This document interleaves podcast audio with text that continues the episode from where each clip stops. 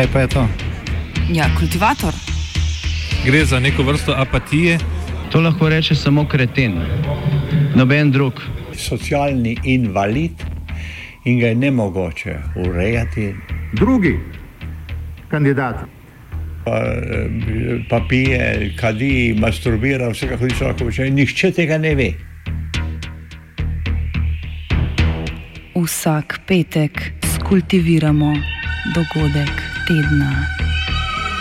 Lahko po kriterijih radio študent, težko pa po evropskih kriterijih. Ampak na drug način, kot vi tu mislite. Kultivator vedno užge. Da pač nekdo sploh omenja probleme, ki so, in da pravzaprav sploh nekdo sproži dogajanje uh, v družbi. To drži, drži.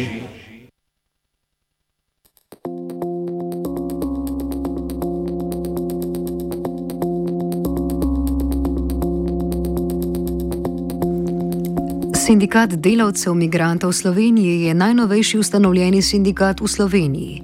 Nastal je iz civilne inicijative Apache, njegov cilj pa je odprava nezavidljivega stanja v Avstriji zaposlenih slovenskih delavcev, ki so v zadnjem času strani finančne uprave Republike Slovenije začeli dobivati položnice 4 in 5 mestnimi zneski. Doslej neplačane davčne obveznosti naj bi morali poravnati v izredno kratkem časovnem roku, zato so se odločili za kampanjo državljanske nepokorščine, ki ima za cilj prisiliti oblastnike v preizpraševanje odločitve finančne uprave. Ta je sredi preteklega leta spremenila svoje stališče v zvezi s slovenskimi imigranskimi delavci, ki so se na poziv civilne inicijative Apache samo prijavili zaradi nepravočasnega oddajanja dohodninske napovedi. Medtem ko so bili tisti imigranski delavci, ki so odločbe od Fursa dobili v prvi polovici prejšnjega leta, deležni davčnih olajšav, morajo tisti, ki so odločbe dobili v drugi polovici leta, davkariji plačati visoke zneske dohodnine, saj se jim zaradi zamude olajšave ne priznajo.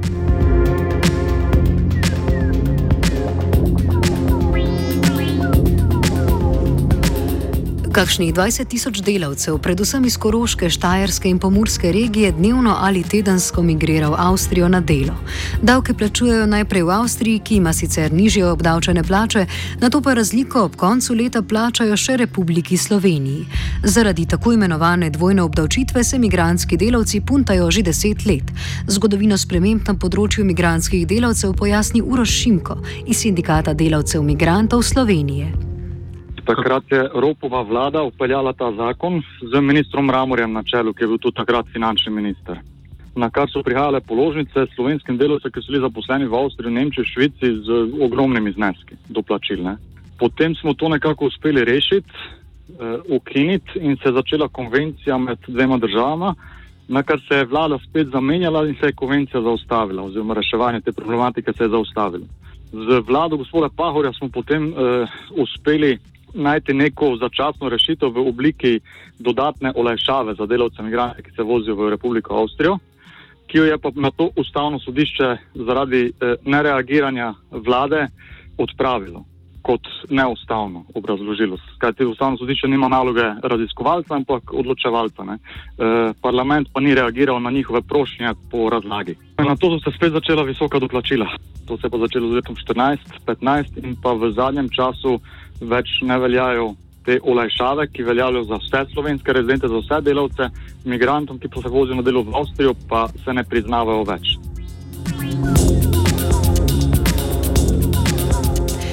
Do kakšne situacije je privedla odločitev Ministrstva za finance in Fursa, pojasni predsednik sindikata Dušan Cvetko. Glede, zgodilo se je, zgodilo se je ena zadeva in eh, praktično, da so nas z to ukinitvijo posebne osebne davčne olajšave, za katero smo praktično delali leta in leta in do katere smo potem tudi hoteli zaščititi nekako to najbolj šipkejško, to skupino naših delavcev, ki delajo pre, preko meja, to so z neto plačami med 800 in 1200 evri, kajti tisto na podlagi davčne zakonodaje Republike Avstrije tudi zaščitenih o minimalnih dohodkih.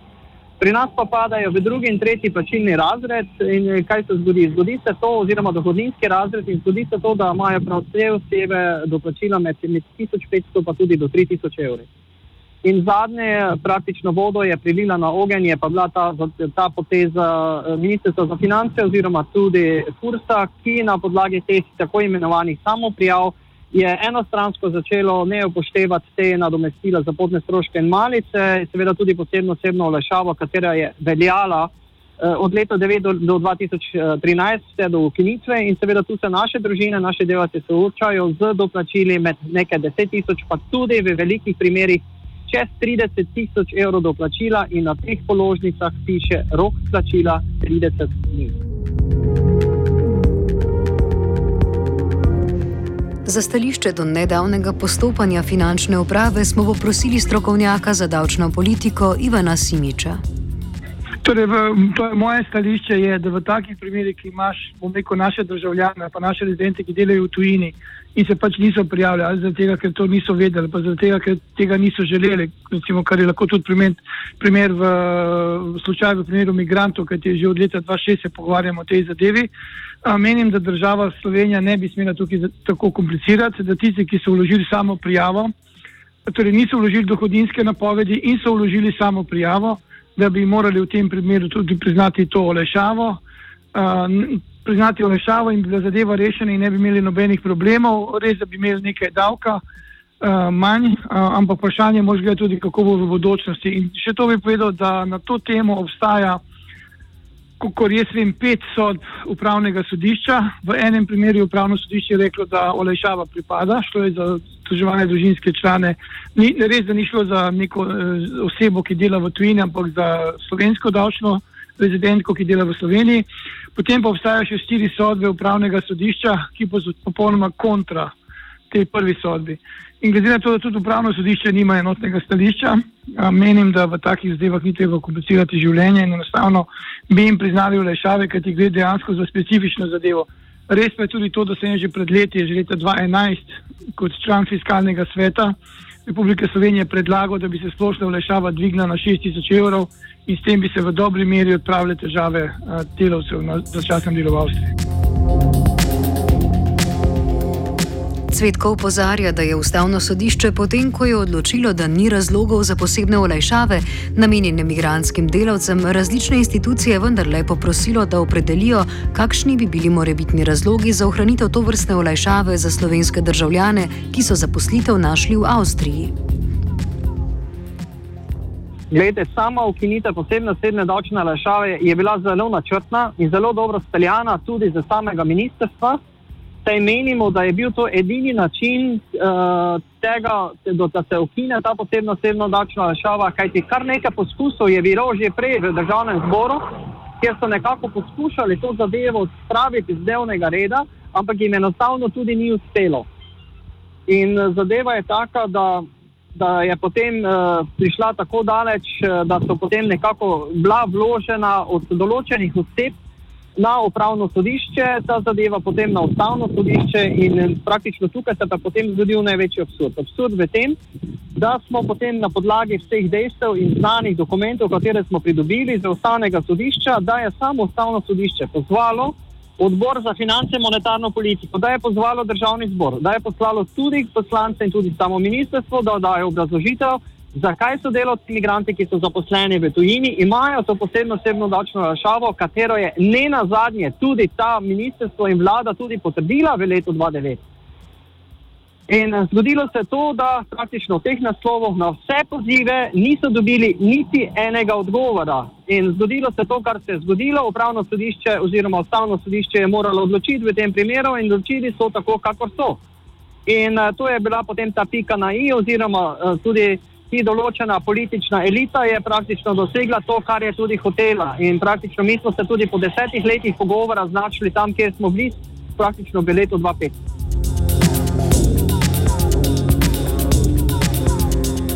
Simič opozarja, da odločitev finančne uprave ni razumljiva, saj se postavlja na mesto zakonodajalca in si sredi leta dovoli spremenjati pravila pri obračunavanju davkov.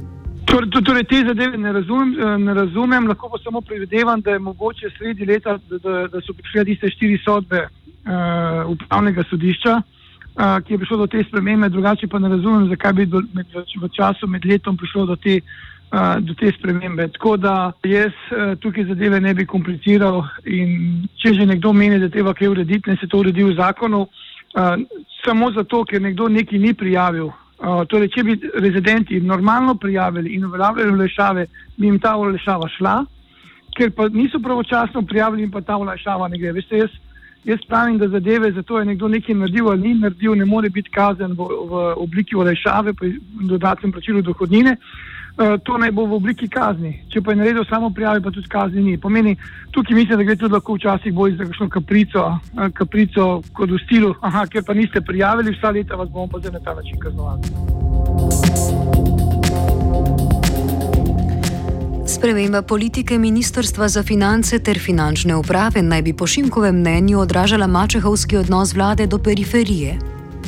Spremenili so politiko glede, glede samo prijav in ne upoštevajo več nobenih olajšav, ne olajšav za potne stroške, ne za malico, kot tudi ne za vzdrževane družinske člane. To je enostaven denar, ki ga poberejo na periferiji, ki je že tako ali tako pobožan. Ne? Ker večina ljudi dejansko hodi na delo v tujino oziroma v obmejna kraje eh, Republike Avstrije z periferije, z perifernih območij. Koroška, Štajerska in Pomurska regija imajo sicer največje stopnje brezposelnosti v državi. Delo v tujini je tako pravzaprav socialni korektiv, njegovo oteževanje je po mnenju Simiča nepotrebno kompliciranje.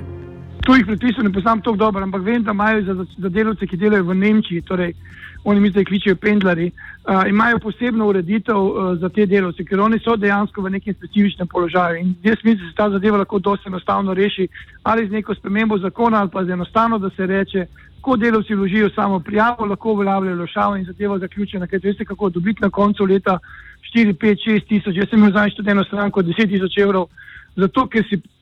Ker si vložil prijavo pozneje, ali pa ker nisi ugovarjal na informativni račun dohodnine, jaz pravim, da to je lovljenje ljudi, na malenkostih, na drugi strani, ki pa država kaj naredi narobe, pa ker državni uradniki naredijo kaj narobe, ali pa če si želijo povečati plačo, si spremijo neke pravilnike, da si izplačajo neke dodatke, takrat je pa vse v redu. Povem, to so dvojna merila in enostavno uh, ne bi se dogajala ulica, če bi nekdo razmišljal malo bolj strezno glavo in to zadevo uredil, ali pa če bi jih tudi sprejeli na razgovor. Jaz sem tudi v času, ko sem bil direktor, imel veliko težav z civilno inicijativo, pač, ampak jaz sem jih vsakokrat sprijel na razgovor, se z njimi pogovarjal, nismo iskali rešitve. Tako da to tudi predlagam tem, ki danes odločajo.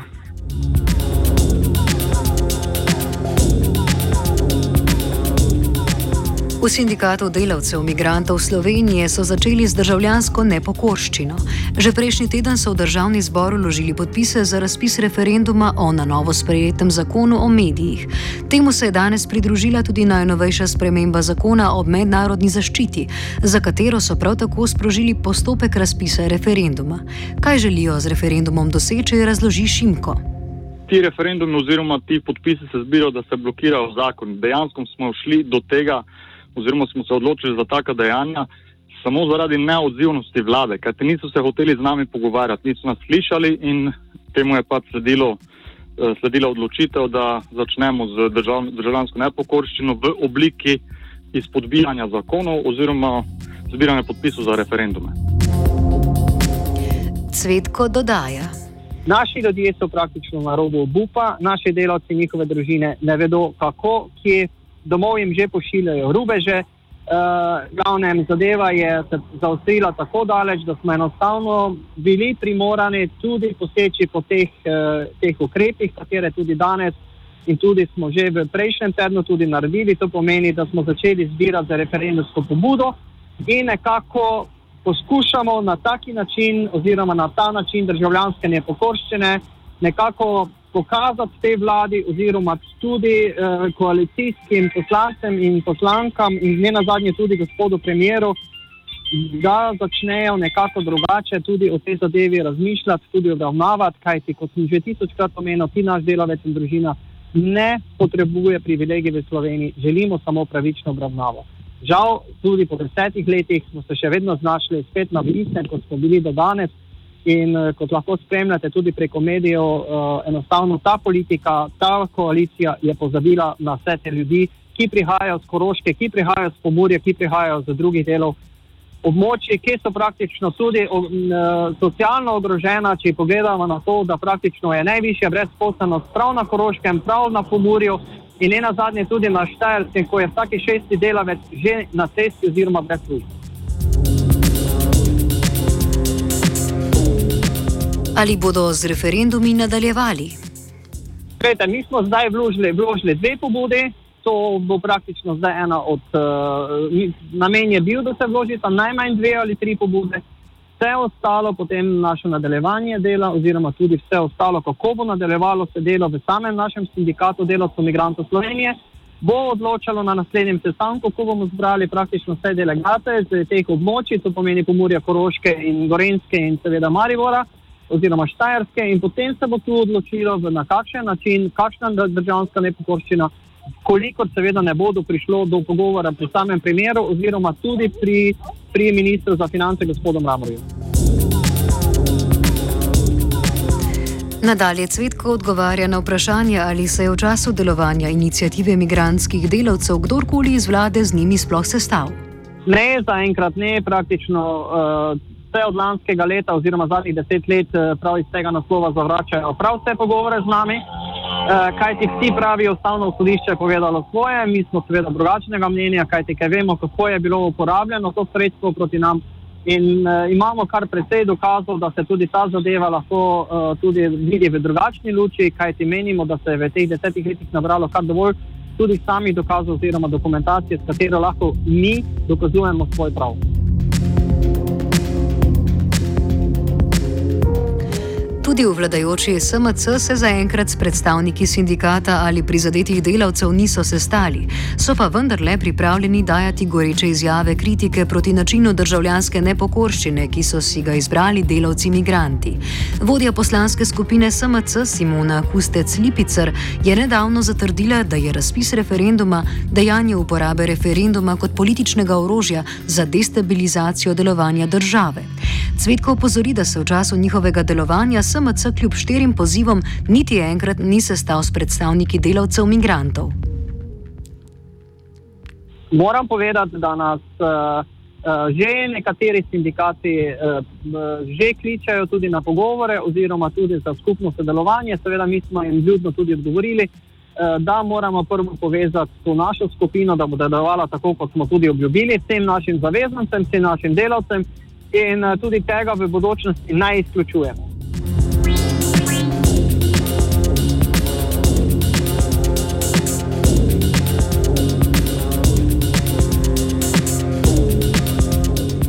Kultiviral je mladen zobec.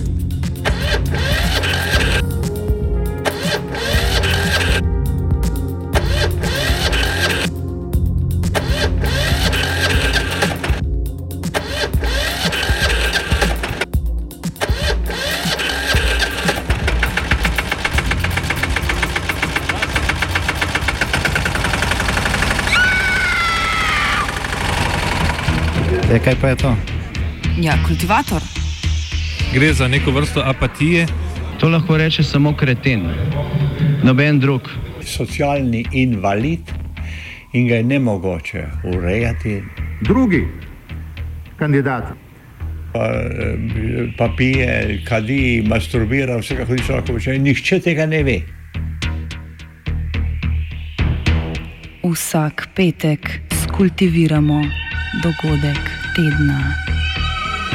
Lahko po kriterijih radio študent, težko pa po evropskih kriterijih. Ampak na drug način, kot vi tu mislite. Kultivator vedno užge.